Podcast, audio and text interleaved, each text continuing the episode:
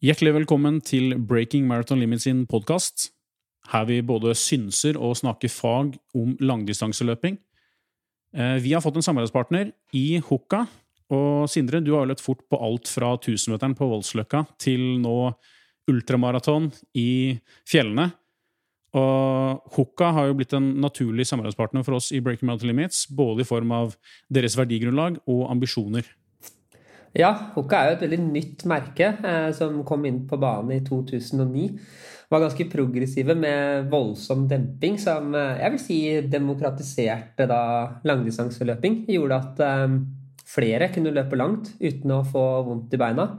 Og så har de jo utvikla merket sitt ganske progressivt eh, hele veien, og driver fortsatt og utvikler det, eh, og er et friskt eh, eh, tilskudd i eh, løpeskobransjen. Personlig så liker jeg jo best å løpe i eh, deres eh, terrengsko, eller de jeg bruker aller mest, eh, siden jeg løper mest i terrenget. Og der har de jo kjempegode modeller i f.eks. Hoka Speedgoat 5. En myk og god sko som kan være med på lange turer i marka, lange turer på, på fjellet. Om du vil ha en som er litt raskere enn Speedgoat, så har de jo Mafate Speed 4 oppleves noe raskere, litt uh, mer responsiv i mellomsålen, Uh, og kanskje enda bedre grep. Uh, samtidig som den kan være litt mer ustabil, så den burde kanskje trene litt på da, før du slenger deg med på lange konkurranser og sånn. Og så har de i tillegg da Tekton X, en veldig rask terrengsko som er perfekt til birkebeinerløp og Nordmarkstraveren og sånne ting. Og så er det jo stadig utvikling, så hvert år Hoka kommer med nye modeller, så er man like spent, for man vet at de utvikler seg hele tiden. Da.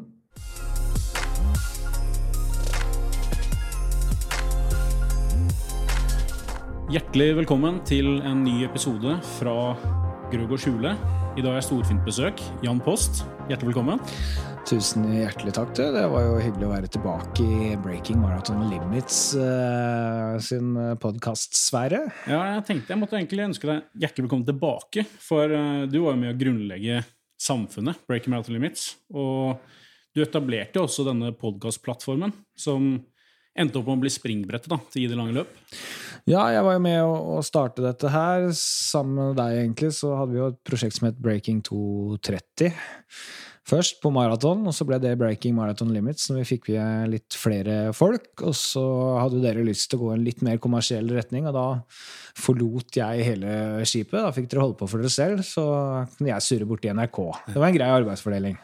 Grei arbeidsfordeling. Men du er alltid hjertelig velkommen tilbake. Min men ja, dette Jan Post, eh, det er litt sånn som med 17. mai. Navnet har liksom en egenverdi utover sin eh, opprinnelige betegnelse. Det har blitt en eh, ganske sterk merkevare nå åra. Nesten litt sånn som en beskytta tittel på det. Det var vel ikke før jeg var med deg på Nøkkelløkket oppe på Sand der i 2019, og du vippsa meg for noe sportsdrikk eller noe i ettertid, at jeg så at uh, ditt fulle navn var Jan Asbjørn Christiansen Post. Det stemmer. Jeg har mange navn i, i, passet, så det er litt lettere å bare bruke Jan Post. Da. Så jeg bruker ikke Asbjørn Kristiansen så mye. Men kanskje jeg skulle bli anonym og bare kalle meg Asbjørn Kristiansen en eller annen gang. Ja, det kan ikke godt begge deler, altså. Etter jeg blir 50, så melder jeg meg på alle løp som Asbjørn Kristiansen. Så har Jan Post en pers, og så kan jeg sette nye perser for Asbjørn Kristiansen. Ja, det er sånn forsvarsmekanisme, det, kanskje. Det funker bra. Da vil du alltid perse. Men i tillegg, ja, du har, du har to barn, du er gift. To barn i motorisk gullalder, kan vi vel si? Ja, de gutta er blitt fem og åtte år nå, så de vokser til. Mm. Det er jo herlig og livlig. Ja. Mye gøy, og av og til litt slitsomt. Ja, og Nå som du trapper opp mot New York Marathon, så trappes det også opp med barnehagestreiken? Ja, barnehagestreiken er godt i gang nå, så nå har vi barnehage annenhver dag. Det starter, skaper litt uh, surr i logistikken hjemme, men har noen besteforeldre da, som stiller villig opp, så det er vi veldig takknemlige for. Så i dag så har jeg vært her nede på, i nærheten av Myrens verksted der og, og spilt inn episode det blir fem, seks og sju da, av Mesternes mester, så jeg er vel sånn midt i februar jeg da, nå oppi hodet mitt. Derfor er jeg litt hes òg, for jeg har snakka sin i dag tidlig. Vinterstemmen er på plass? Ja, jeg vet ikke det. Det er iallfall uh, konkurransestemmen. Det var en stund siden jeg hadde kommentert noe, så tåler ikke så mye. vet du. Ja, For du er jo som kjent uh, journalist og kommentator. Men uh, noe av grunnen til det jeg ønska å invitere deg inn her, er også er sånn, Det er litt underkommunisert hvor dyktig forfatter du også er blitt. Noe som sikkert skyldes at du er ydmyk og jordnær, men også det at NRK Reklame ikke akkurat går som hånd i hanske. jeg tenkte vi kunne komme litt mer tilbake til forfatterskap etter hvert. Det står mye mellom linjene der som burde frem i lyset. Og du har også en tydelig treningsfilosofi som til tross for x antall episoder med I det lange løp ikke har fått den scenen fortjener. Det er jo det er en ivrig nordlending som prater på inn- og utpust, som også krever eh, tid i podkasten. Ja, altså, så Christian snakker jo en del om e-, e egen trening. Det er jo en del av konseptet i det lange løp, at han på en måte skal snakke om treninga si og målene framover. Og han uh, er jo dønn ærlig, selvfølgelig, uh, så derfor er det interessant å følge hans uh, reise. Jeg er jo ganske mye dårligere løper enn en, Christian, så jeg tenker det er mest interessant å høre hva han byr på. Og så er vi noen drypp innom min trening av og til, men jeg har en litt annen rolle der. Jeg snakker med folk om trening, så jeg håper jeg har fått fram litt av filosofien og hvordan andre folk tenker. Da. Det er både hovedgjester og andre gjester som er inne i litt kortere tid der. Som, så jeg vil jo på en måte formidle hva, hva de har lært på veien. Men som vi var kjapt innom, så var du med å grunnlegge Breaking Mountain Limits. Uh, vi ble kjent tilbake i 2017. Uh, eh, jeg hadde jo lenge beundret deg, både faglig og hensyn til underholdningsverdi. Både i jobbsammenheng og som privatperson. Og så fikk jeg en melding av deg uh, etter at jeg hadde løpt et sub 230-løp der i Rotterdam, noe du ønska å oppnå sjøl. Og så begynte vi å spare litt om trening. Løp noen ukentlige maratonspesifikke økter i bunkeren på, på Bislett der. Eh, og så etter hvert som tida gikk Jeg hadde jo vært fartsholder for min gode venn og fetter Magnus på maraton. Og så var jeg så heldig å få være med på det her eh, Breaking 2-prosjektet til Nike eh, på Monza-banen i Milano. Eh, der Kipchoge løp 25 sekunder over totimersgrensen. Og egentlig, selv om de mislykkes med å gå under eh, to timer, så lykkes han iallfall med å vise at det var mulig. Og basert på de opplevelsene så tenkte jeg at uh, altså Totimersgrensen er forbeholdt eliten, men det fins jo eh, kanskje tilsvarende prosjekt der ute for mannen i gata. Og derav 2,30. Og skulle ha et kroneksempel i norsk målestokk, så er det Jan Post. Så det ble Breaking 2,30 og etter hvert Breaking Mountain Limits. Jeg, jeg, var jo litt på hugget, for jeg hadde jo løpt pers som fortsatt står i, New York, da. i 2017. November 2017. 2.32,53. Og da var jeg rimelig kjapp og tenkte når jeg gikk i mål, hva om den løypa hadde vært flat i dag? Liksom, hadde jeg, hva hadde jeg løpt på da? 2.31 og noe, kanskje? Mm. Hvert fall sånn overslag oppi huet meg. Fasiten på det får vi jo aldri, men da tenker jeg nå er jeg jo ganske nærme 2.30. Hvis jeg blir litt bedre nå, så har jeg mulighet til neste år. Eh, og da så jeg at du hadde løpt under 2,30 og hatt en stor opplevelse i Rotterdam. Så tenkte jeg kanskje er Rotterdam eh, løpet for meg til våren. Passer bra. Eh, jeg er jo halvt nederlandsk òg. Stas å løpe i Nederland. Det er alltid flatt. Og så tenkte jeg hvor mange folk er i de gruppene som går rundt 2,30. Det var jo derfor jeg sendte en melding til deg første gang, for å høre om det gikk noen tog der. Så var jo du litt inspirert av Kipchoge to timer det var liksom ikke grensa for oss. Så da, mm. da satte vi opp 2,30, og så prøvde vi å få tak i noen andre da, som hadde ca. samme mål, og det var jo ikke så vanskelig. Um, så da danna vi Breaking 2,30. Nå, nå endte jo det med at jeg aldri brøyt to og en halv time. Men det var et par andre som gjorde det. Blant annet Simen S. Berge, som etter å ha tenkt på det et år, løp 2.29,59 i Berlin. Etter å ha løpt rundt med en T-skjorte sto Breaking 2.30 på i et års tid der, så det var jo legendarisk. Eventyret i Berlin, som uh, artikkelen han, eh, eller race-reporten han skrev i ettertid, den ligger vel ute i arkivet til Breaking 2.30, så det er mulig å finne det på nett. Men videre her til podkast. Altså, for min del så er det tre store podkast-hostere i Norge. Det er Einar eh, Tørnquist, det er Wolfgang V, og det er Jan Post. Så eh, podkasten til deg og Christian har jo hatt stor suksess. Appell til både toppidrettsutøvere, mosjonister, ja, spontantrimmere og næringsliv. Nå er det 50 000-60 000 lyttere i uka. Og dere har hatt en liten sesongpause, men jeg har fått inntrykk av at eh, dere går på'n igjen nå i løpet av et par uker. Ja, vi, vi, drar i gang. Vi kjørte 150 strake episoder, pluss at vi gjorde noen under navnet Breaking Marathon Limits først. da. Så det var vel tre og et halvt år der hvor vi ikke hadde noen pause, verken om det var sommer eller jul eller påske eller hva det var. Eh, Så jeg følte for å ta en liten pause, få litt pause fra offentligheten, bruke litt tid på å trene, litt tid på fa familien. Men nå er vi straks klar igjen, så vi har vært i samtale med NRK. De gir oss, uh, gir oss en siste sjanse. Ett et år til. Så da ligger det an til at vi avslutter etter Berlin maraton 2023. Og at vi kanskje har litt uh, vinterfokus også på, på, vinteren, så at det kanskje blir noen flere langrennsløpere og den type folk innom i løpet av vinteren, slik at jeg får utnyttet hvor jeg er. Men temaet kommer til å være utholdenhetstrening. Um, og da er det alltid interessant å høre litt hva noen av de beste langrennsløperne gjør. Um, men det blir ingen ren langrennspodkast. Vi skal fortsatt ha løper innom hver eneste uke. Ja. Og hadde det bare vært langrenn, så er jeg sikkert Ulriksen hadde hatt mye å bidra med der òg. Jeg vet at han har vært innom eh, Vasan og, og, det ene og det andre. Men uh, jeg hadde jo Kristin her på besøk i går, og jeg våga meg til å definere han også som en influenser. Jeg må kanskje kunne definere deg også som det. Som jeg sa til han, så har det vel kanskje vært et begrep som har fått et litt uheldig Kanskje et ufortjent dårlig rykte. da. Eh, begge dere har jo blitt eh, kjæledegger, inspirasjonskilder for mange. Og jeg var innom og sjekka Strava-profilene deres, begge to. Jeg ser du har 11 500 følgere på Strava. Og til sammenligning Cam Levins, nummer fire på maraton i VM, 2200. Det setter ting i perspektiv. Det, det, er jo først og fremst litt synd at ikke han har flere følgere. for det Cam Levins er kanskje den på Strava som leverer de sykeste øktene. Uh, helt spinnville økter. Da kan man se hvordan folk helt i verdenseliten trener. Han legger ikke ut absolutt alt, da, men, uh, stort sett hardøktene sine. Så da kan man se hvor lista ligger hvis man vil bli en av verdens beste.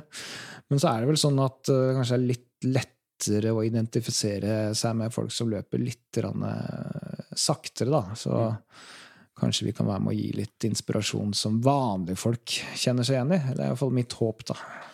Ja, Det virker jo som at dere absolutt inspirerer mange. Og dere har blitt slags ledestjerner da, for mosjonistene i Norge. Eh, legger det noen gang noen føringer for, eh, for treningshverdagen? Er det noe ekstra motivasjon i det? Forventningspress? Sånne ting? Jeg har kanskje løpt eh, på mitt aller dårligste de årene vi har lagd eh, i, det lange løp. Jeg var vel innom eh, ja, ganske brukbare ting høsten 2019. Siden har jeg ikke vært noe særlig bra. Men jeg må si at det gir litt inspirasjon av og til. Men jeg er jo en litt sånn av og på-fyr som gjør noe skippertak av og til. Og det gjelder jo treninga òg, dessverre.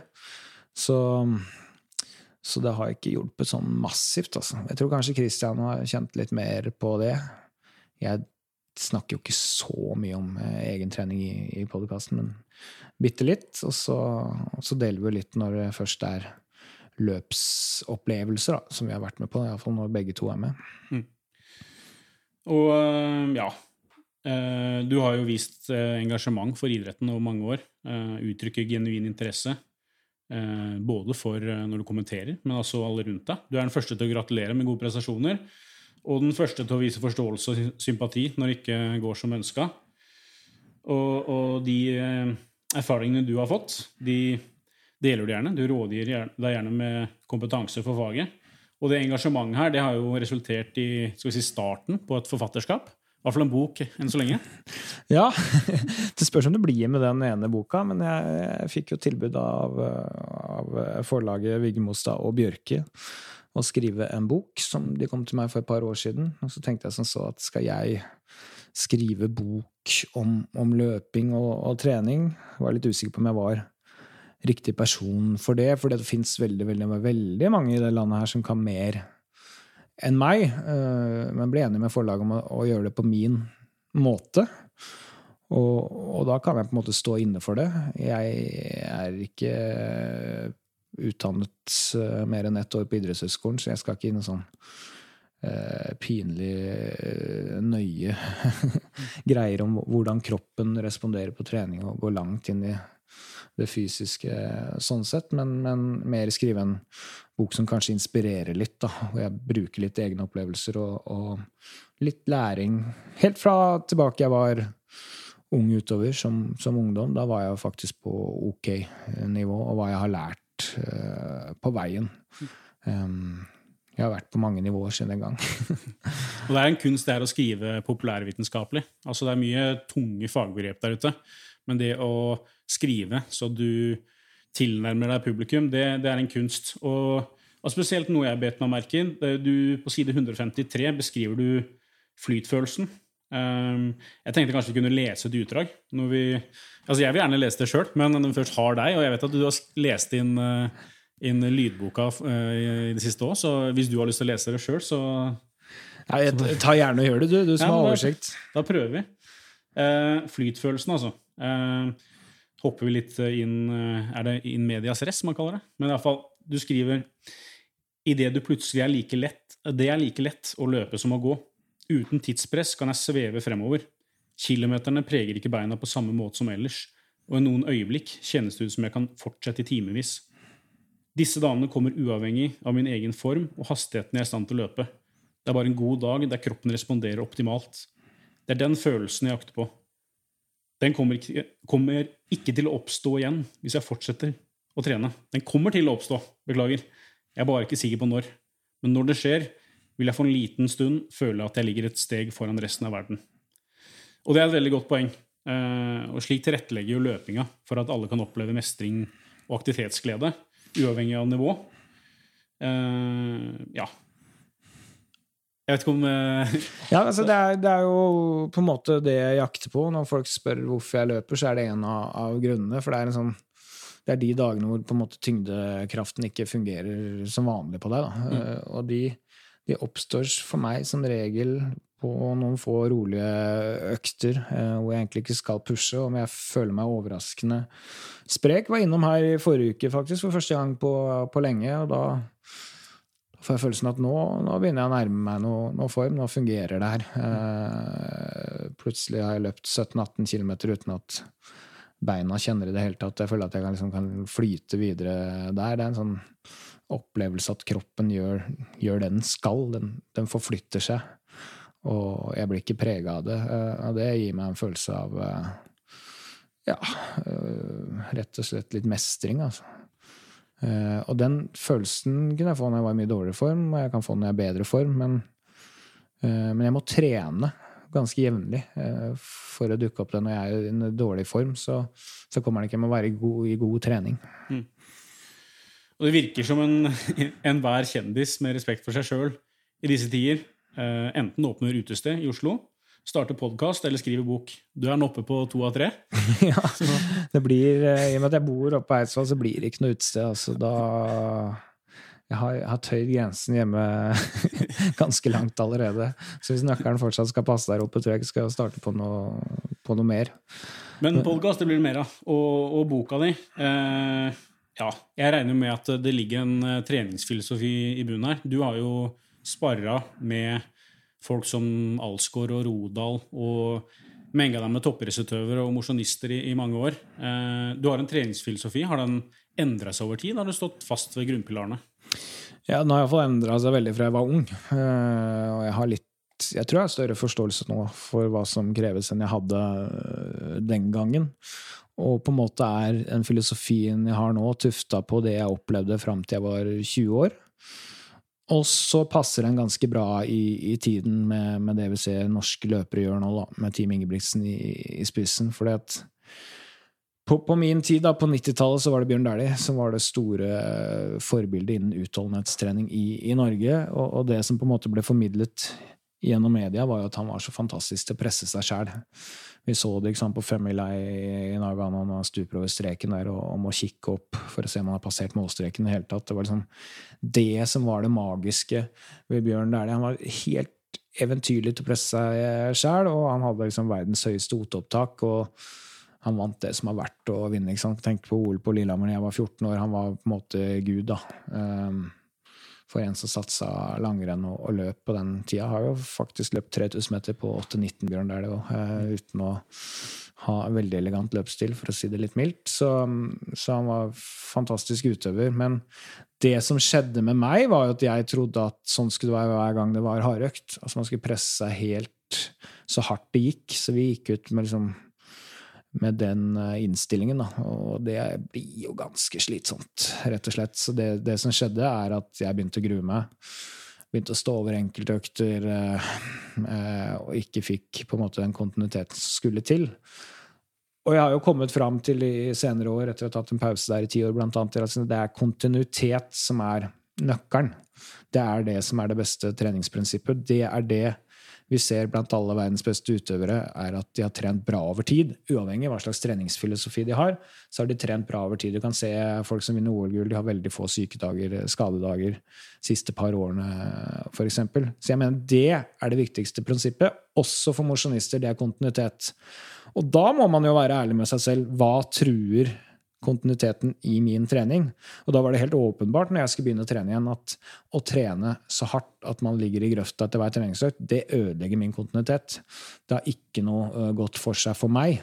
Det er mye bedre for meg å avslutte en økt en tirsdag og tenke at det der var ikke så ille. Det kan jeg godt gjøre igjen til torsdag eller fredag. Så når jeg møter opp senere uka, jeg møter opp uka etter, jeg møter opp måneden etter, jeg møter opp neste år og to år og fem år, det er på en måte melodien. Så derfor hater jeg når Eh, tabloidene kjører opp. Eh, slik kommer du i toppform på seks uker. Slik får du vaskebrett til sommeren. Altså Sånne kortsiktige prosjekter hele tida. Det er jo ikke den som er i best form om seks uker, som er vinneren.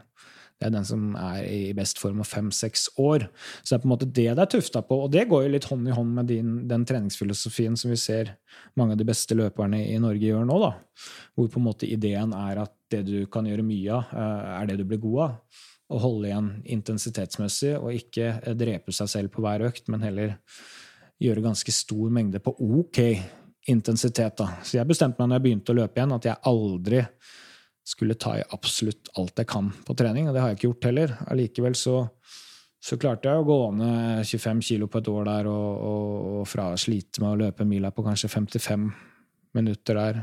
I starten av 2011 så løp jeg maraton på 2,55, året etter 2,38, og så jobba meg ned til 2,32 da, uten å, å, drepe meg selv på, på trening. Så det, det har funka ok på, på, mitt nivå, da, og, og på et nivå øh, veldig mange er innom. Et eller annet sted mellom der.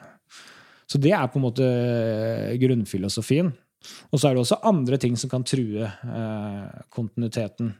Og det kan jo være jobb, øh, familie, og alt mulig rart. Men der må man jo være, tørre å være litt ærlig, da. Eh, og så må man tilpasse. Og så må man jakte på en treningshverdag og en rytme som gjør at du holder kontinuiteten. At det kanskje er viktigere enn enkeltøkter. Da. Vi lar oss begge inspirere av de beste, men også kanskje da skremme. da. Så når du nevner på eksempelet med Dæhlie, så drar du meg tilbake. Jeg var jo med Sondre Nordstad Moen til Kenya i to måneder i fjor.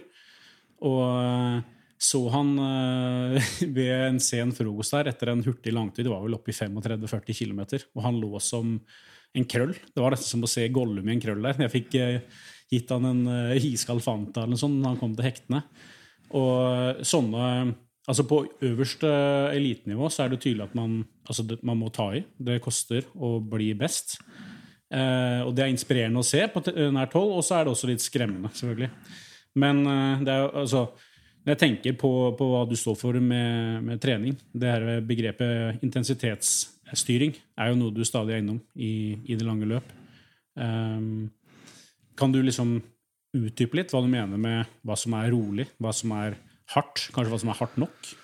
Ja, vi kan jo ta det først. For det, er jo blitt populært med laktatmålere. Jeg syns jo det er å gjøre det litt komplisert for mosjonister, med, med, med unntak hvis du ikke er sånn super-super-mosjonist. Da. Eh, da er det så mye vinning og bare trening. Det er, det, det er, så lett å bli bedre at man er ikke nødt til å drive med laktatmåling, pulsmåling, alt det greiene der. Men hvis det er motiverende, og det gir deg en, en, en guts og en motivasjon til å komme deg på trening, så, så vil jeg si at du må bare elsker det for det det er, eh, og bruke det. Eh, da er det godt. Men man må ikke komplisere det. Altså for meg så er eh, en økt der hvor jeg løper øh, øh, det roligste, altså øh, saktest på det første draget, og fortest på det siste draget. det er på en måte nøkkelen for meg, og så vil jeg slutte når det er jeg kunne løpt to-tre drag til i samme farta hvis du hadde kommet med, med en eh, kniv og trua meg, så hadde det gått fint, liksom. Men Da er det, det er greit. Så heller starte så rolig at ok, hvis jeg skal løpe ti ganger 1000 og kommer til ti og føler at ah, jeg har litt mer meg i meg i dag, var kanskje litt for forsiktig, ok, så løper jeg tolv ganger 1000, da. Det er det aller verste som kan skje. At du løper tolv ganger 1000. du blir jo ikke lei deg fordi du løper 12 ganger 1000 istedenfor 10 ganger 1000. Eh, du, du, går ut av den økta med mestring. Så løper du deg heller litt inn i, i, økta. Jeg vil unngå den følelsen at jeg kommer halvveis i en hardøkt og tenker hvordan i alle dager skal jeg fullføre det her? For den, økt, den følelsen hadde jeg mye uh, som ung. Uh, og da blir det mer hat for meg, da. Jeg vil ha mer flyt og mer kontroll. Kontrollert hardt så løper jeg på den måten. Og hvis jeg ikke er i stand til å løpe eh, det raskeste draget til slutt, så mener jeg at jeg har tatt de for, eh, for hardt, da. Så kan man kanskje si at jeg merker det når jeg er 42 år, at jeg kanskje mista litt den der gutsen til å gå 100% i kjelleren også i løp. da. Eh, men det kan ha med andre faktorer å gjøre òg. Det er lettere når man har veldig mye å løpe for. Men det, det er jo en, en, greie. Men i hvert fall det jeg bruker på det. Og, og rolig, det, det sies som så mange andre, det er en følelse. Jeg titter ikke på klokka når jeg løper rolig. Men eh, ja, kan, jeg titter litt på pulsen i etterkant, hva den har vært. Men rolig er på en måte rolig, og det er ofte litt sone én og litt sone to for meg. Mm. Jeg tror det er også ekstremt mye viktigere enn når man trener 14 økter i uka sammenlignet med 57 økter i uka, som jeg eh, gjør. da. Og så løper jeg uh, hardøkter ofte med tre dagers mellomrom. Slik at jeg ikke tyner det. Hvis man skal kjøre dobbeltterskel eller man skal gjøre um, hardøkter annenhver dag, så er det enda viktigere å ha kontroll på intensiteten. Uh, tenker jeg man skal føle seg klar igjen, da. Det er sånn jeg driver. Også så uh, har jeg også en del av filosofien er at det er viktig å ha progresjon i treningen. Da. Så hvis du skal trene inn mot maraton og starter på en måte spesifikk periode ti uker før, så må man ha progresjon i langturen. Man bygger kanskje først opp lengden. Så bygger man opp uh, farten, og jeg vet hvilken økt jeg vil ha kanskje ca. to uker før. og Da må jeg bygge meg mot å tåle den økta. Det er sånn jeg jobber. Um, samme med kanskje tempoøkter. Hadde en type økt hvor jeg kanskje, hvis maratonfarta mi var typ 3,40 per km, så løper jeg 5 km i 4 blank, 5 km i 3,50, 5 km i 3,40 eller litt fortere. Og så hadde jeg en hurtig langtur uka etter, og så kom jeg tilbake den samme uka, men da var det 6 pluss 6 pluss 6 km. Og så var det en hurtig langtur uka etter, og så var det 7 pluss 7 pluss 7. Så du bare bygger opp samme type økta opp mot et hovedmål. Da. At man har progresjon på, på det. Sånn at man liksom ikke Man løper ikke den hardeste langturen i starten av den perioden, og man løper ikke helt på grensa av det man tåler i starten av perioden. Man vet hvor man skal. Da.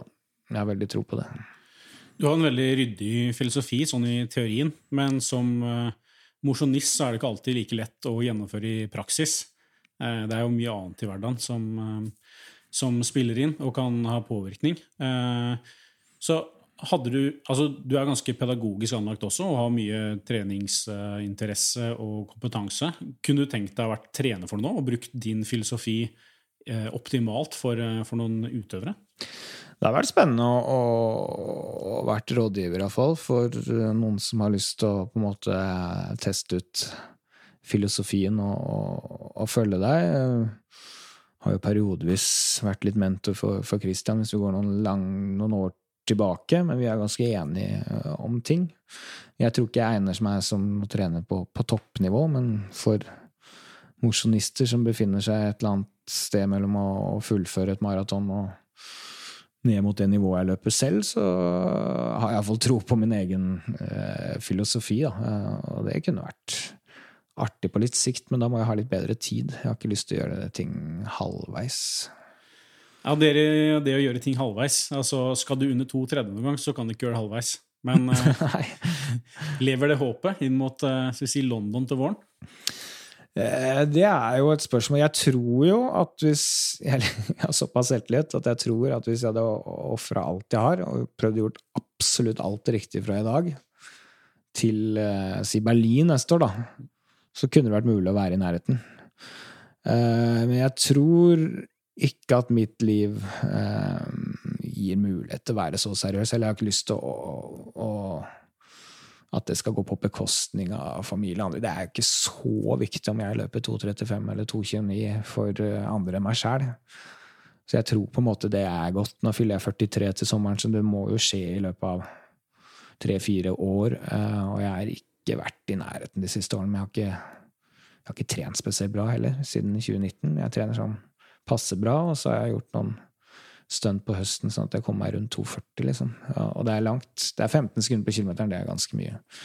Så jeg tror det er mulig, men jeg ser vel ikke for meg at jeg kommer til å gjøre det. Jeg har litt lyst. Litt lyst. Det ligger litt baki der. Men når du snakker om å gjøre et stunt inn mot et eh, løp, det er jo veldig mange som nøyer seg da, med en 3000, kanskje 5 eller 10 km gateløp. Det har alltid vært maraton for din del. Eh, hvorfor maraton? Det har nok med den opplevelsen jeg fikk i, i 2011, det året jeg tok 25 kilo og gjorde noe med hele måten jeg lever livet mitt på, egentlig. Um, og det var ikke noe selvsagt den gangen jeg begynte å trene at det skulle bli maraton. Uh, det var ikke mine tanker når jeg begynte å trene i januar.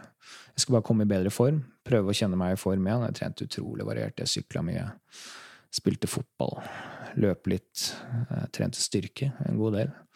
Målet var å komme seg ned i vekt og i bedre form. Og så fikk jeg denne utfordringen fra Thomas Alsgaard om å bli med til New York løpe maraton. Da hadde jeg vært der fem år tidligere um, og løpt på 3,40 i mitt første maraton. Og den gangen fløt jeg bitte litt på at jeg hadde vært i ok form si tre-fire år før det. da. Men jeg var skada, jeg forberedte meg ikke. Jeg løp første halvdel på 1,35 og siste på 2,05. Det var helt uh, forferdelig opplevelse. Og jeg sa egentlig aldri igjen. Men når, når ga meg den utfordringen, så tenkte jeg at da, da, får jeg en sjanse til å slå tilbake mot den løypa i New York. Og et av mine liksom, forbilder som barn spør, så sier du bare ja til det. Det er kult, liksom. Dra over deg med han og løpe maraton. Og derfor ble det maraton. Uh, og så tenkte jeg ikke så mye på det før jeg løp uh, Drammen halv. Og jeg ante jo ikke noe om tid, jeg hadde ikke løpt halvmaraton før. Og jeg hadde ikke spesielt god greie på det jeg drev med heller. Men løp da på 1,27. Og så ringte jeg Jack Weitz, for jeg kjente han litt på den tida. Så sa jeg Jack 1,27 på halv her i Drammen. nå. hvor fort løp jeg på maraton? Da var bør målet være, liksom? Ja, han sa at kanskje 3.05, 3.06, 3.07 der et sted. Så tenkte jeg det er jo kjipt å løpe på 3.05. Det er mye kulere å løpe 2.59. Og da var det noen uker igjen, da, så da, da liksom steppa jeg opp løpetreningen en del. Og det var første gang jeg eh, kjørte annet en hard langtur bevisst noen gang i mitt liv. Jeg husker en økt der som, som ble viktig for meg i den oppkjøringa der.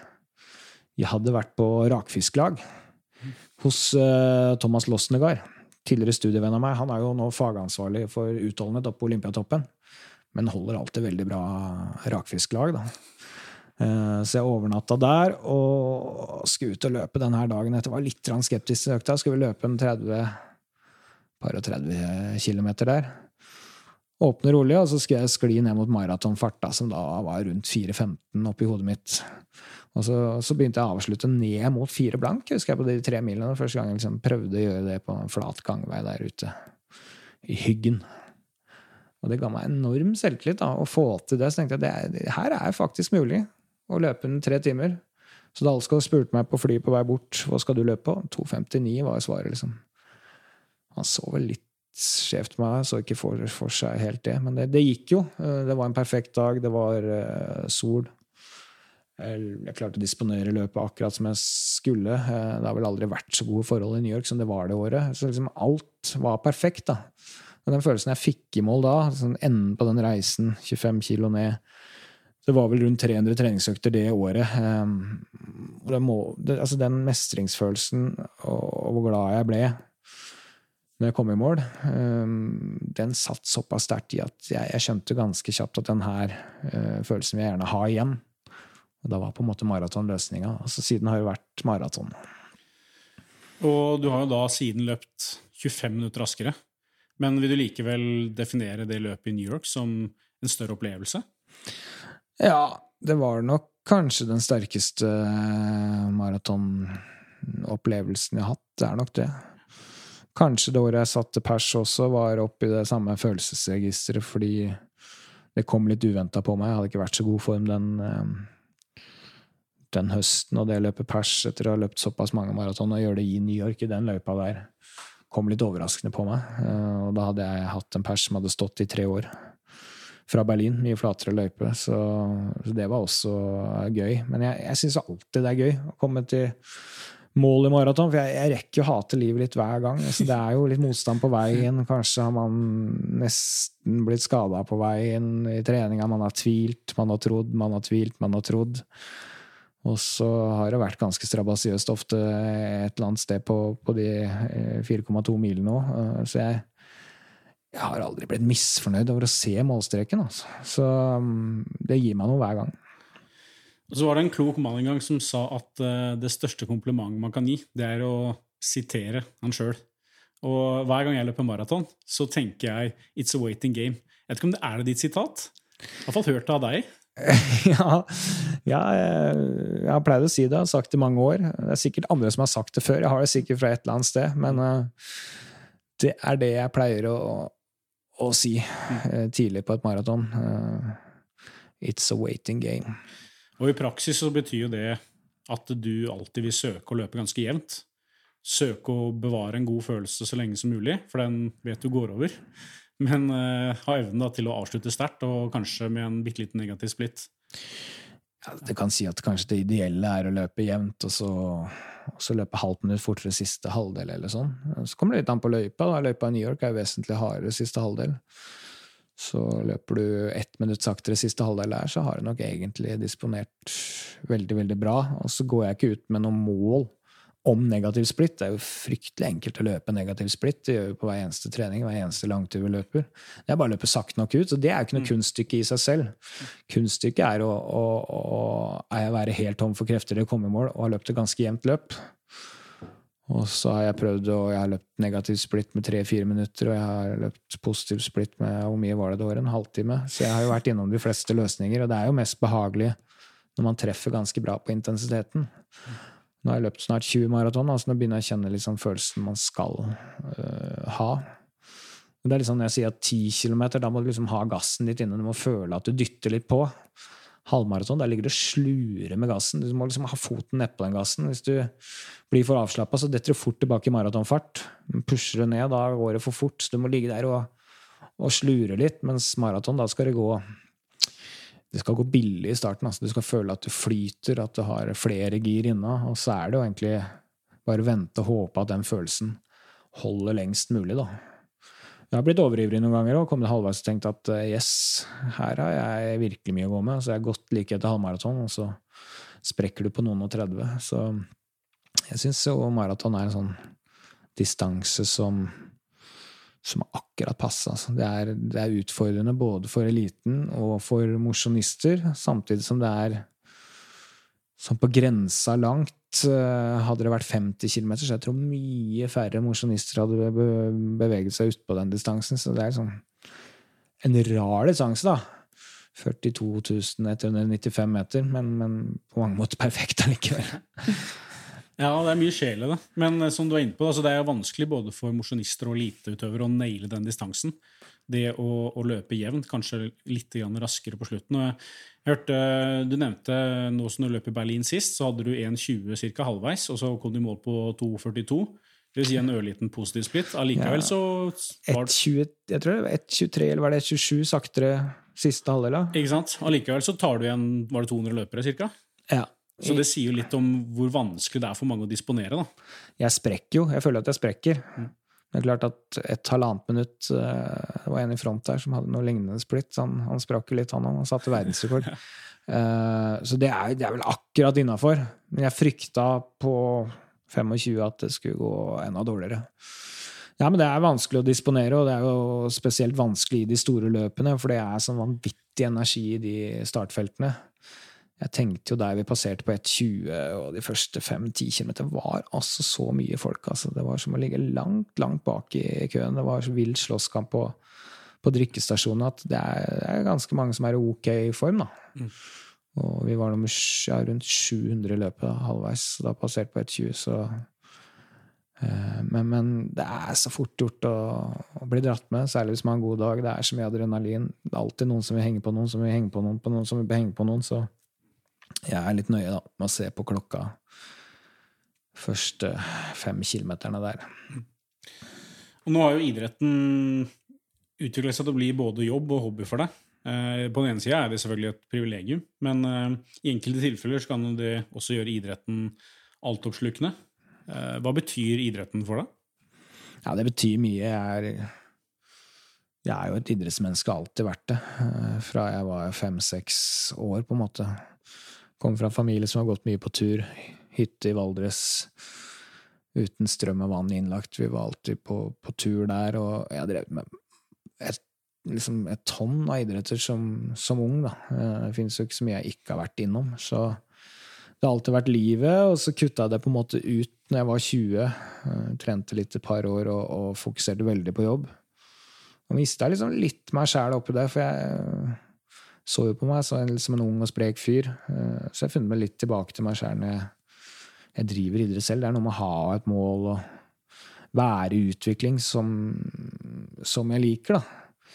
Men det betyr jo ikke alt slik det kanskje betydde fram til jeg var 20 eh, år. Nå har jeg en jobb jeg er utrolig glad i, som gir meg store øyeblikk. Så det har jo med idrett å gjøre, det òg, da. Pluss en familie som, som, selvfølgelig betyr eh, mest. Eh, hvordan det går med, med gutta mine. Så det er vel ikke så altoppslukende. Jeg hadde faktisk bedre kontroll på all mulig sport når jeg var 15 år enn jeg har nå, selv om det har vært fulltidsjobb i Amira, 15-20 år. Mm. Eh, jeg må prioritere litt hardere. Jeg kan ikke følge med på alt lenger. Men jeg har fulgt med på mye av det du har kommentert opp igjennom. Og ja, du har satt tonen til mange av de største av mine idrettsøyeblikk. Ikke mange av de største norske idrettsøyeblikkene de siste 15 åra. Jeg kan jo nevne høydepunktene fra VM på ski Holmenkollen. Eh, da Warholm ble verdensmester for første gang. Ulsteinvik løper fra resten av verden. Det var vel nest, i ferd med å bli uh, årets idrettsøyeblikk. og når Jakob Ingebrigtsen slår Cheeriot der for første gang og blir olympisk mester, da det gjaldt som mest vet, det, det er sikkert mange som, som det, det, kommer minner for mange når jeg nevner de orda. Og de orda du roper ut der, i eufori, de brenner seg fast i hukommelsen. Så jeg skal jo forsøke å trå varsomt, men det er iøynefallende hvor, hvordan interessen daler så fort. Idretten, kanskje spesielt da friidrett, gateløp og, og langrenn, sendes og kommenteres av andre. Um, men ja, du, du fremstår jo veldig laidback og komfortabel i de her rollene som du behersker så godt. Men uh, blir du noen gang nervøs før uh, sendinger, innspillinger og, og intervjuer? Ja, eh, det blir jeg. Eh, og det blir ikke noe bedre med årene, egentlig. Det vil si at kanskje den sendinga jeg var mest nervøs var den første. Eh, min debut som kommentator på Beitostølen i 2007, var det vel. Da var det sånn jeg snakka noen setninger så merka jeg ble andpusten. Jeg måtte skru meg av for å puste. Da er du nok ganske nervøs i utgangspunktet. Nå er jeg jo mer vant til det. Men jeg merker foran de største anledningene og jeg har på en måte fulgt idretten så tett at jeg vet hva det betyr for utøverne den dagen. Det kommer ikke så mange sjanser. Du vet aldri når det kommer skader, når man får problemer med andre ting, hvor mange sjanser eh, i livet som kommer. Så det er jo, det er jo store anledninger. Da, da blir jeg nervøs både på, liksom på vegne av de som skal ut og prestere, men jeg vet jo også at en del av de tingene du snakker om her, det er jo grunnen til at du husker det. Det er fordi det blir spilt om igjen og om igjen. Om igjen. Og da er det jo mest ålreit at man er sånn noenlunde fornøyd med det som ble sagt, og hvordan ting blir gjort, da. Men jeg hater jo å høre det sjøl. Jeg kan ikke fordra det. Så sånne oppkjøringer til sendinger, kanskje det er noen gamle glimt. da da river jeg av meg headsetet og legger det ned, for jeg blir i dårlig humør. liksom. Slutt å skrike, liksom. Men uh, hvordan er det da for deg å altså, 'Mesternes mester' har jo gått inn og blitt liksom flaggskipet for uh, gullrekka. Hvordan ser du på det med familien? Nei, jeg har ikke sett 'Mesternes mester'. Det er vel sesong 14 vi spiller inn nå. Jeg har vært med i 13 sesonger. Jeg var ikke med den første. Jeg har ikke sett 'Mesternes mester' før litt forrige vinter, for da begynte gutta mine. da. Mm. Han eldste, som da var sju år, og fatt litt interesse. Mm. Jeg kan ikke nekte han å se 'Mesternes mester'. Det var ikke hjemme hver helg, men da tror jeg så en tre-fire program. Um, men jeg, jeg, ser ikke på det frivillig, nei. Eh, Og det er på grunn av at jeg ikke vil høre min egen stemme. Jeg har jo en yngre fetter sjøl som eh, har en far som eh, driver med IT. Men han, han håpa sterkt, han var blitt så interessert i 'Mesternes mester', han håpa sterkt at eh, faren en dag skulle være med på 'Mesternes mester'. Kanskje håpe nå det å få mestertittel først, men eh, Ja, det er vanskeligst, det, tror jeg. Men ja, eh, du har jo en veldig sånn gjenkjennbar historie. da. Inspirerende historie fra dager som livsnyter og, og latsabb. Og hvis du googler navnet ditt, så kommer det alltid opp noen sånne historiske bilder der med noen paraplydrinker og, og, og noen kilo ekstra. Eh, og til du sitter her i dag og kan leke med tankene om å løpe sub 2,30. Det er jo veldig, veldig inspirerende for mange. Um, så jeg tenkte liksom å, For at de som lytter her, da, det er jo stort sett folk som, som løper og har satt seg et høyt mål sjøl, for at de skal kunne optimalisere utbyttet av øktene. Da. En typisk dag med kvalitetsøkter, uh, altså som arbeidskar eller familiefar. Er det, er det noe du tenker spesielt på? Hvordan du liksom tilrettelegger for at du skal få mest mulig av en god treningsdag? Eh, Ja, det sånn- Jeg vil helt tenke en uke, da. Eh, Fordi at jeg prøver å verne de dagene hvor jeg kanskje skal trene litt hardere. eh, Og plukker ut to-tre ganger i uka hvor det passer inn i skjemaet å gjøre en eh, økt som det blir tatt i litt mer. eh, Og prøver å plassere dem riktig sted, så jeg vet jeg har tid til dem, og vet at de blir gjennomført ordentlig. Det er på en måte det viktigste. Og så løper jeg rolig det jeg kan, eh, og får tid utover det. Det er på en måte sånn jeg legger, legger opp. Og så, så gjelder det den fella jeg har gått mange ganger selv, og tenke at ok, nå har jeg 30-40 minutter, er det noe vits i, liksom? Heller gå ut og bare gjøre det, for å holde på kontinuiteten og holde på en rytme.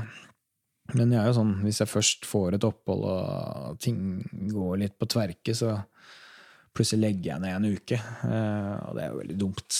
Det er bedre å gå ut og gjøre det man kan, da. Senke lista litt. Det gjelder både på gjennomføring og krav til tider og fart på hardøkter. Det er så mye viktigere at du kommer deg ut, enn at du løper fem sekunder fortere per kilometer, eller så setter så strenge krav på deg selv at du vegrer deg for å komme ut. da.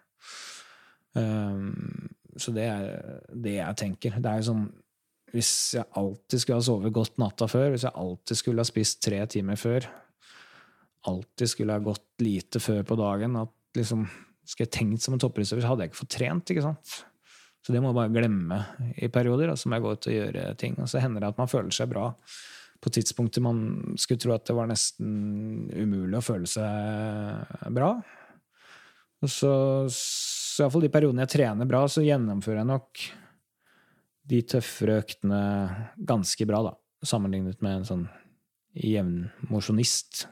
Det er derfor det er godt brukbart. Og så, så trener jeg ikke kanskje nok til å løpe så fort som Christian, eller enda fortere. Eh, Det har liksom, liksom aldri vært innenfor min rekkevidde. Prøver bare å gjøre det beste ut av det jeg kan. Dere nevner jo stadig vekk i podkasten at eh, løping er verdens enkleste idrett. Men det er jo sabla enkelt også å gjøre det klin umulig. det er iallfall mye som kan, eh, kan eh, gjøres vanskelig. Men jo, du har jo, så vidt jeg har forstått, aldri løpt maraton i Norge, bare i utlandet. Det stemmer. Jeg har, jeg har løpt mange ganger på trening, men, trening. men aldri i konkurranse i Norge, nei. Ja. Og sjøl har jeg bakgrunn fra lagidrett. Og det her garderobekulturen som man ofte snakker om i fotballen, er liksom noe jeg har kanskje savna litt med løpinga, men som man kanskje er i ferd med å bygge litt gjennom det å, å lage noen treningsgrupper sammen. Vi prøver å få til Breaking Marathon Limits. Og du opplever det vel stadig nå at når du løper storbymaraton og drar over med en vennegjeng, eh, er det på en måte Er det helt bevisst at du liksom venter med de store maratonene, de store anledningene? Kanskje bare får muligheten et par ganger i året. At det da må gjøres skikkelig i utlandet. Ja, det er, det er flere grunner til det. En er at man liksom fastsetter et mål tidlig. Man investerer en del penger i det. Man er meldt på. Det er ikke noe tvil, liksom. Da er det vanskelig å trekke seg. Du må på en måte stå for det valget du gjør, og, og bruker det som motivasjon. Og så syns jeg det er en nydelig energi i det. Og så er man ofte en gjeng som har tatt det samme valget. Det gir jo en del sosiale arenaer. Både på nett og at man snakker sammen personlig om hvordan treninga går. Altså man, man har et slags fellesskap i lang tid. da. inn mot det her, eh, og så drar man på tur sammen og har det hyggelig. Eh, alle løper eh, samme løpet, alle har forskjellige opplevelser, men alle har gjennomført det samme. Og så møter man etterpå og skryter og ljuger litt og har det hyggelig, på en måte. Og da har alle noe å fortelle. Det gir sånn sosiale bindinger. Og så vil jeg si at løping generelt er jo en fin sosial arena. For hvis man løper rolig en tur og, og løper med ålreit folk, så går jo tida dobbelt så fort. Det er gratis kilometer, som, som uh, mange sier. og for meg, da, som, som, har familieliv og et jobbliv som er ganske intensivt til tider, så er det jo ikke så mange sosiale arenaer for meg personlig igjen. Mye er jo knyttet opp mot barn og jobb. Uh, så det er jo en perfekt greie til å slå to fluer i én smekk. Jeg kan jo glede meg til å kjøre økter, for da møter jeg noen uh, kompiser, så kan vi skravle litt. Det er jo en fin arena til å være litt egoistisk og tenke litt på seg sjæl en time i, i, i, hverdagen og få litt fri oppi hodet. Så uten løpingen så hadde jeg jo kjent mye færre folk og truffet mye færre folk i det siste.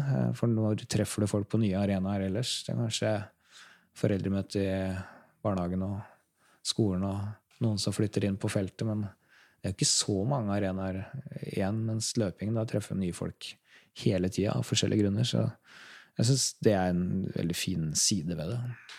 Og når vi sitter her, så er det jo bare tolv dager du skal få en sånn opplevelse igjen. Du skal til New York og løpe maraton. Ja, det, er ingen vei tilbake nå. Jeg får håpe at vi holder oss skadefri en uke til. Eh, så, så blir det New York Marathon igjen. Det blir vel sjuende gangen jeg skal stå på startstreken der borte. Det er jo et av de mektigste løpene iallfall jeg har, har løpt, da, med, med, 50 000 på, på start. og og målgang inne på Manhattan, det er eh, et veldig spesielt løp. Det har betydd mye for meg på mange måter. Og når det bare er tolv dager igjen, så, så, er det ikke all verdens du får gjort. Men det er jo alltid en sånn periode som veldig mange stresser rundt og interesserer seg veldig for, og, og lurer fælt. Og har du noen sånn tips? Kanskje du kan gå gjennom hva du skal gjøre nå de siste tolv eh, dagene inn mot New York? Ja, jeg gjør ting kanskje litt sånn utradisjonelt nå, fordi at jeg løp eh, Berlin Marathon for fire uker siden. Da, så det var ganske tett mellom de. Seks uker. Det gjorde at det, var, det er begrensa med trening det er plass til, for du skal komme deg etter et maraton. Skal du bygge deg opp mot et, på et nytt uh, løp. Så jeg løper f.eks. den siste langturen kanskje tettere på enn de fleste vil gjøre. Elleve dager før er planen nå. Jeg mener det var plass til to langturer mellom forrige maraton, så jeg valgte å vente to og en halv uke til etter Berlin, og så venter jeg nesten to uker mellom. Så løper jeg noen rolige halvlange turer der. Men, men, å plassere siste langtur rundt to uker før er jo ganske safe opplegg. Og så liker jeg minne kroppen på at den skal løpe ganske langt én uke før. Så da vil jeg gjerne ha en økt som totalt sett blir mellom 20 og 25 km. Og, og, da er det på en måte bare plass til én økt med litt intensitet siste uka. Den er sånn standard. Jeg løper fire ganger 1,5 km, tre ganger to den type ting. Sånn mellom maratonfart og halvmaratonfart eh, normalt sett. Og så er det ellers og, siste uka og kanskje det er en hviledag og ellers jogge 6-8 km per tur, på en måte. Du får ikke gjort så mye med formen, du må få sørge for å komme til start med, med litt overskudd og god, god bein. Da. Så du god muskulært, føler deg bra muskulært på, på start, og så du får utnytta den formen du har lagt opp til før det. Det er jo veldig lite mystisk i starten, men det er klart man løper jo og kjenner på beina og lurer på om man blir sjuk og alt mulig rart. Nå ble jeg jo sjuk før eh, Berlin Marathon for seks uker siden, så da Det ødela litt. Men eh, ja, det er, det er sånn det er. Det er hypokondifasen, som jeg kaller det. Ja, og du har jo, når du legger opp en sånn periode nå, så du har jo mye erfaring. Vi har gjort det mange ganger før, som sagt. Eh, men mye av kunnskapen eh, får du vel også fordi du har sparra med, med, mye eliteutøvere, med, med, fagfolk. Er det noe Jeg vet jo kanskje litt når jeg spør, men eh, er det på en måte Hvordan har bakgrunnen som sportsjournalist hjulpet deg som løper, og, og kanskje vice versa òg, da? Jeg vet ikke om det hjelper så mye å være journalist for å bli løper, det, det vet jeg ikke, men at det hjelper motsatt vei, det innbiller jeg meg. For at jeg, jeg får for det første enda mer respekt for toppidrettsutøverne ved å, å, surre litt på et lavt nivå uh, selv. Um, og så bare det å liksom sette et mål da, et halvt år fram i tid, når jeg skal løpe typ New York Marathon, som har tenkt på det et halvt år tid, kanskje ett års tid. Det er mitt løp, det er mitt VM, det er mitt OL, på en måte. Og selv om ikke jeg skal vinne det eller eh, noen verdens ting, så blir man jo veldig opptatt av det ene målet og prøve å få mest mulig ut av treningen sin. Man blir nervøs, man får den hypokonderfasen, man kjenner på nervene. Jeg vil jo tro at den minner litt om det topprystøvere går inn um, gjennom, kanskje bare på litt lavere skala. Um, og så vet man da også gjennom trening at det er ingen selvfølge. Selv om Johaug har vunnet ti renn på rad, så er det ikke noe selvfølge at hun vinner OL. For det er ikke så mye som skal gå gærent de siste to ukene. Én matforgiftning, én forkjølelse, eh, at hun presser seg litt for høyt, hardt i høyden altså Det er så mye som kan skje. Vi som sitter og ser på, liksom, tar det som selvfølgelig at hun skal vinne. Jakob skal vinne. Dette går greit, alle veit det. Men, men ved å drive med dette selv, så, så, vet man at det er så mange vurderinger fram og tilbake. Det er mye usikkerhet, det er variasjon på dagsform. Man blir påminnet alle de tingene, da, så man blir kanskje mer imponert over de utøverne. Og får mer respekt. Og det, liksom, det minner meg på, på det, da, å drive og trene eh, selv. Eh, når vi sitter her, det er jo litt artig, å nå er det jeg som sitter på en måte bak eh, spaken her og intervjuer deg. Det, heldigvis er det ikke så lenge til Ikke om rollen er snudd, men at du sitter i førersetet igjen. Eh, vi snakka forleden, og du kunne nevne på at i det lange løp var tilbake igjen like etter New York. Så, så folk har, har, noe godt i vente.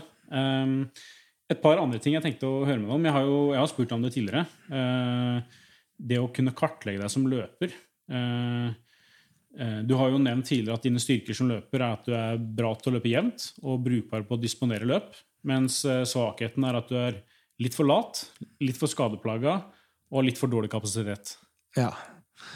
Det er klart jeg er, jeg er litt for lat. Det, det, vi er alle født late på et sett og vis, men jeg er ganske god til å gjennomføre økter som de skal når jeg først møter opp, eh, men i period, litt for mange perioder så detter jeg ut litt. Og det er litt sånn at jeg, jeg, periodevis er det sånn at jeg takler bra å ha to ting i livet, altså familie og jobb, eller eh, familie og trening, eller jobb og, og trening, men liksom alle tre slett setter inn for fullt, så liksom, er det fort gjort at jeg detter ut på en av delene. Så jeg vil jo si at, at jeg trener ikke bra nok hele året til å løpe virkelig fort. Eh, bra nok til å holde seg på et greit nivå og få på en måte helsegevinsten og beholde litt overskudd og ha et bra liv, men ikke bra nok til å løpe så, så fort så at jeg tar ut hele mitt potensial. Men det løpet ble på en måte kjørt. Eh, når jeg la opp som 20-åring, så, liksom, eh, så la jeg det litt bort. Men det har jo vært gøy å jage noen mål underveis. Det har det.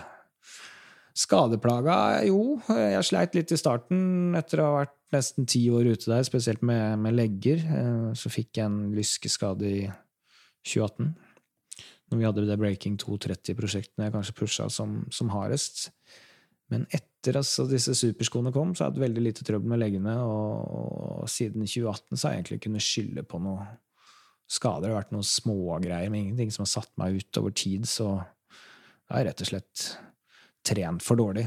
Det er klart at kapasiteten min, den Jeg vet ikke hvor lett det er å gjøre noe med det når du er 42. Jeg kan selvfølgelig gjøre noe med det, eh, men med tanke på å løpe virkelig fort, så er jo ikke den god nok. Jeg tror jeg perioder iallfall har utnytta si, den kapasiteten jeg har på 5 og 10 km, ganske godt på maraton. Så hvis jeg skal løpe mye fortere enn si at jeg var god for 2,31 i en flat løype en gang, der, så, så, burde jeg øh, løpt litt fortere på 10 km for å flytte den grensa mye, i hvert fall. Så jeg føler jeg på en måte fått bra utbytte av den kapasiteten mm, jeg har da på lengre distanser. Og så har det vært selvfølgelig mulig å løpe mye fortere på for kort, men når du blir gammel, så dreper fart litt, da, så jeg tør ikke sjansen på det. Hører eh, med her til historien at eh, det er du som har definert deg sjøl som eh, lat. Det gjør ikke jeg. Ja. Du har mye baller i lufta, og, du står i det med stil. Det er både podkast og det er jobber her og der. og tilbake igjen til, til boka di. Er, den er jo ikke skrevet over natta, den heller. Det er mye fornuftig der. Jeg har lest den. Jeg har både venner og familie som ikke driver med løping sjøl, som har lest den, og blitt veldig inspirert, imponert over eh, hvor lettleselig den er. Det er ofte et, eh, det er en hedersbetegnelse i min bok, det å skrive populærvitenskapelig. Alt har jo eh, bakgrunn i, i, i fag eh, og egne erfaringer. Og så gir det veldig gode praktiske tips eh, på en enkel måte som eh, veldig mange vil ha nytte av. Det er, det er min vei til varig løpeglede. da. Min vei til kontinuitet i, i min trening og, og oppleve glede og, og mestring og ta vare på det og beholde det over tid, da, som jeg mener er en ekstremt viktig faktor. Så er det de opplevelsene jeg har hatt med det, både som ung og, og som mosjonist på ulikt nivå, som jeg prøvde å formidle. Og så, så er det ikke noe sånn rent treningsfaglig bok, men, men noen refleksjoner over det jeg har opplevd på veien. Og for de som ikke har lest den, så vil jeg absolutt anbefale å lese den. Og for de som har bare lest den én gang, så kan jeg anbefale å lese den igjen. Det er mye som man kan eh, minne seg om igjen eh, for å finne tilbake til eh, varig løpeglede. Den håper jeg du også finner tilbake igjen til etter New York. Jeg regner med at det blir noen rolige uker der, litt som post marathon blues. Og så håper jeg du går på virkelig inn mot både London og Berlin. Det blir iallfall London og Berlin neste år. Der, der er jeg påmeldt. Um, så det blir jo stas. Får vi se hva slags form vi klarer å lirke ut. Vinteren ser kanskje hakket bedre ut enn eh, den har sett ut noen år, så kanskje er det mulig å få inn litt trening. Mulig vi møtes i bunkeren eh, på Bislett igjen. Lovende. Jeg tror vi skal la det henge som en eh, fin teaser og en bra avslutning på episoden. Så vil jeg takke så mye for at du tok deg tid. Og så gleder jeg meg veldig til du tar over ansvaret for podkastingen igjen om ikke så veldig lenge. Det tror jeg mange med meg gjør. Så lykke til med en ny sesong, og lykke til i New York Marathon. Tusen takk, det trengs. Vi snakkes plutselig. Det gjør vi.